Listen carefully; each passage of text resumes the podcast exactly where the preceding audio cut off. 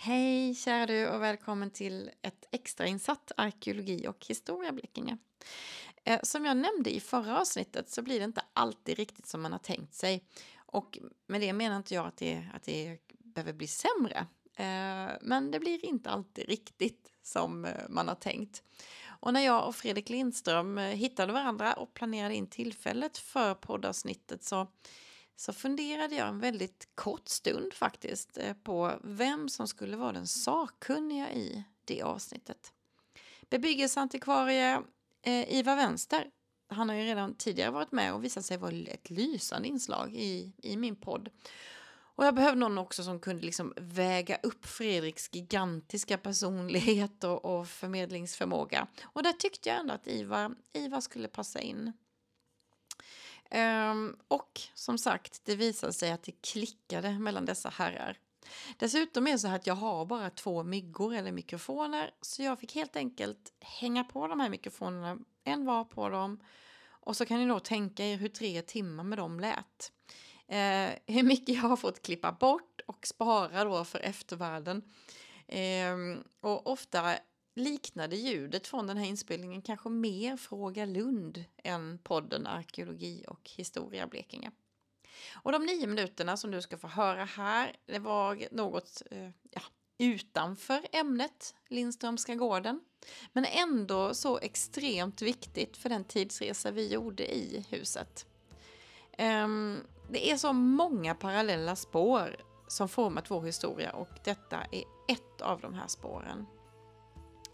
Och för er som är trogna På spåret tittare, ja, ni vet att Fredrik ofta käkar i tv och inget undantag för min podd, eh, om jag säger så.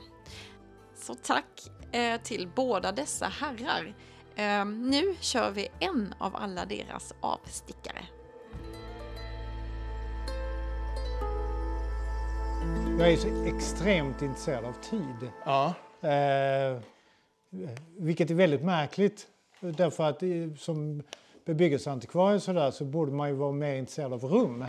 ja. men, men eh, det är jag inte. men... Utan, eh, och inte minst, alltså, Vatrang som ändå, om det nu om det är Vatrang som har fått det här taket, vi vet nej, inte nej. exakt. Alltså de, de hade ju ett jättedilemma som sjöofficerare. Mm. De klarade inte longitudproblemet. Nej. De visste inte var de var i öst-västlig riktning om de inte hade landkontakt. Nej. Vilket är det, stora dilemmat under 1600-talet, inte minst för koloni, mm, kolonistaterna. Just det. Att de seglade, holländarna seglade i Stilla oceanen och sen så hittade de en ö. Oh, ja, fint det här.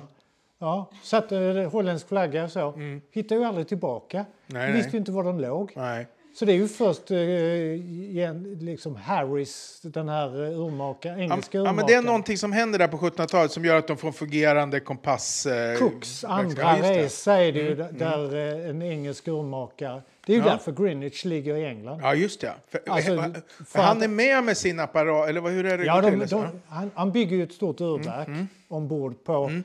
eh, på ett av Cooks eh, expeditionsfartyg. Och då kan de plötsligt ta med sig tiden hemifrån. Alltså det är London-tid de mm. behöver för att veta var de befinner sig i öst-västlig ja, riktning. För annars har du ingen nytta av solens... Liksom, och den, alltså, ni kan ju själv tänka er en klocka ombord på ett segelfartyg. Mm, mm. Det är liksom, ja, ja. Det, det, något lod går det inte att ha, någon pendel går Nej, det, inte att ha. Mardröm, utan det måste, ju, det måste finnas liksom någon framdrivning som är absolut exakt. Impuls, inte impulsstörd, men... men eh, och det där, alltså, hade det varit en fransman som gjorde den klockan, mm, mm. då hade vi ju haft Paristid Ja, det, absolut. Ja, det har vi ju i och för sig ändå. Ja, det, ja, men av men, helt andra skäl. Men av helt mm, andra skäl. Vi hade i alla fall inte behövt korrigera oss för att... Eh, Nej. Eh, Nej. Så det, det, där är väldigt, väldigt... Och det, det var ett av de stora forskningsprojekten under 1700-talet. Mm. Eh, man gjorde bland annat månkalendrar. Man trodde att man kunde eh, använda månen Mm. Problemet med dem var att de blev ju så ofantligt stora. Det, var, det är alltså flera löpmeter med kalendrar då, eller tabeller. Som man måste, mm. Så de var inte heller bra att ha ombord på fartygen. Det var för Nej. dyrt helt enkelt. Mm. Så den, och som ett minne av Harris alltså urmakaren då, eller snickaren, eh, så har vi en tidkula nere på varvet. Som varje fredag klockan fem i ett så går den här kulan upp i toppen. Och exakt klockan ett släpper de ner kulan. Och då står alla ombord på fartygen, sekonderna eller navigationsansvariga, och ställer kronometrarna. Eh, och det, eh, det, det, nu s- använder man inte den längre. Nej, nej, nej, men det men- finns ju i Göteborg, finns en i Ja, Stockholm. ja, visst, ja, ja, men det är eh, alla stora hamnstäder Mm, har de här tidkulorna. Eh, som någon slags minne av eh, överhuvudtaget longitudproblemets lösning. Eh, Så det, det är en eh, lite spännande historia. Men det, det finns ju också den här parallellen med, som jag tidigare nämnde, liksom att, att tid, kollektivt, kollektiv tid, det får vi ju egentligen först när vi får större arbetsplatser. Eh, Och det är någon gång sent 1600-tal, alltså vi pratar om vällingklockor, eh, på, på, eh, men även såna, det stora varvet, alltså Örlogsvarvet i Karlskrona var en av Europas största arbetsplatser under 1700-talet, periodvis, det var inte så lång tid. Men hur skulle de komma i tid till jobbet? De hade inte egna klockor. Alltså ser vi till att vi skapar kollektiva klockor. Och det som vi idag, liksom, vi, vi var ju på hotellet ungefär när det var eh, tänkt att vi skulle vara där. Så hade det ju inte varit på 1600-talet. Nej, nej. Eh, då hade man sagt någon gång på förmiddagen eller eh, Ja. innan klockan är 12 eller någonting, alltså något annat sånt. Ja, man eh, fick liksom på, ha ett tidsbegrepp där man räknade in ställtiden så att säga att när vi ses eller när vi börjar med någonting är på något sätt ungefärligt och sen så har du väldigt mycket tid istället då att, att reglera det som vi, när vi får en, ett exaktare tidsbegrepp då behöver vi också ruta in tiden och, och liksom försöka utnyttja den på mera så att man har ju inte riktigt de problemen. Och det, det, är, det som är så fascinerande egentligen att tänka sig att när, det som du pratar om Göran, här, alltså att man har det, är liksom, det finns ingen anledning egentligen att man... Varför ska klockan vara samma liksom i, i en socken som i en socken tre mil bort och så vidare. Därför att du kan inte kommunicera med varandra. Är, är du, går du, tar du dig från den ena till, till stället till den andra eller till nästa stad. Liksom. Så det tar några timmar. Och den tidsomställningen som är då att en tidsomställning på ett par minuter, den, den kommer ju bara att försvinna. Liksom. Det, det är först när vi får teknik och, och arbetsplatser och olika såna här saker som gör att vi då har någon anledning att, att samverka mellan folk och möjlighet att samverka med, mellan folk som tidigare varit i olika av naturens liksom, tidszoner. Det är då vi blir liksom tvungna. Men det är väldigt intressant de här frågorna. Jag förstår mycket väl att du är så intresserad av tid, för att, för att det här är ju ett det ingreppet som den här nya tidsomställningen som kommer successivt där under 1700-1800-talet och egentligen pågår även in i, i vår tid idag när du liksom reglerar dina kalendrar och hittar olika sätt att, att hantera saker och med påminnelsesignaler och alla möjliga saker. Det här är ju en jättestor mental förändring för människan. Alltså det, det, det är väldigt svårt för oss att, att förstå hur, hur stor inverkan det här på, har på oss. Att vi ser på tid som någonting liksom mätbart, teknologiskt, exakt och så vidare. Och så blir vi ju sittande då med att vårt känslomässiga tidsbegrepp som ju kan man säga nog i alla fall synka synkar lite bättre med naturens tid, så att säga, hur vi upplever tid.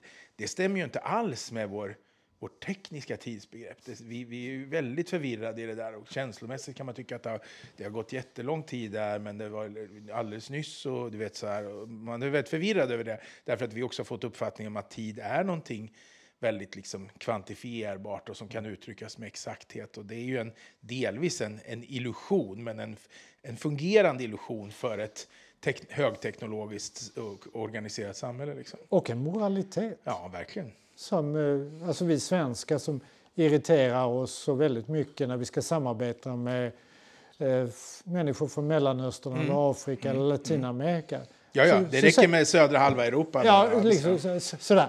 Så, de kommer ju inte i tid. Nej, nej. Liksom. För de har inte alls de har inte köpt det tidsbegreppet som vi har gjort. Det, Det tycker jag är helt fantastiskt. Ja, Och de, de kan också säga sådär att ja, ja, men det var ju så långt att gå. Eller något, så- alltså, de liksom tar in sådana aspekter som vi säger, ja men det får vi leva med. Och jag vet, jag har en spansk väninna som säger så här, jag, är liksom, jag ringer till henne och säger jätteledsen, jag tror att jag är en kvart, 20 minuter sen. Hon bara så här, skojar du med mig? Jag är från Spanien. Jag, jag, räknar med att du kommer någon gång inom kanske den närmaste timmen eller något sånt där. Liksom.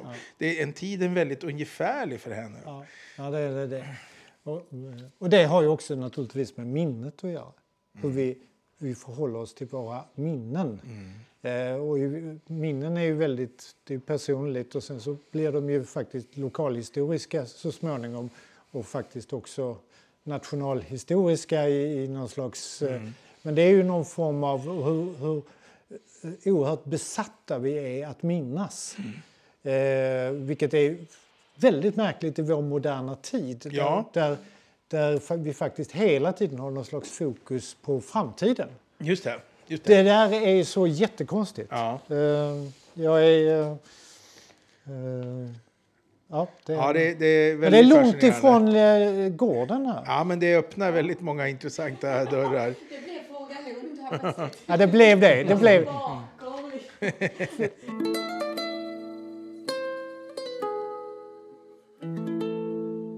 Ja, tack Fredrik och Ivar säger jag. Möjligen så kommer vi att få tillfälle att prata med Fredrik igen. Vi får se lite eh, vad mina planer, hur de rör sig. Men Ivar Vänster i alla fall kommer vi att få höra mer av framöver. För i sommar kommer det att släppas några olika eh, avsnitt med honom. Bland annat ett avsnitt som berör gravstenar. Men mer om det längre fram. Innan dess, eh, redan om ett par veckor, så ska vi träffa Magnus Petersson från Länsstyrelsen i Blekinge. Vi ska prata om något så sexigt som kulturmiljölagen. Men även då på vilka sätt och varför det är viktigt att spara olika kulturmiljöer och fasta fornlämningar. Eh, och det, det kommer vi göra faktiskt samtidigt som vi just vårdar en av länets mer spektakulära fornlämningar. Men fram till dess, botanisera mer bland poddavsnitten som ni inte har lyssnat på. Så hörs vi framåt och eh, glöm inte att hjälpa mig att dela podden. Så, tack för att du har hängt med så hörs vi.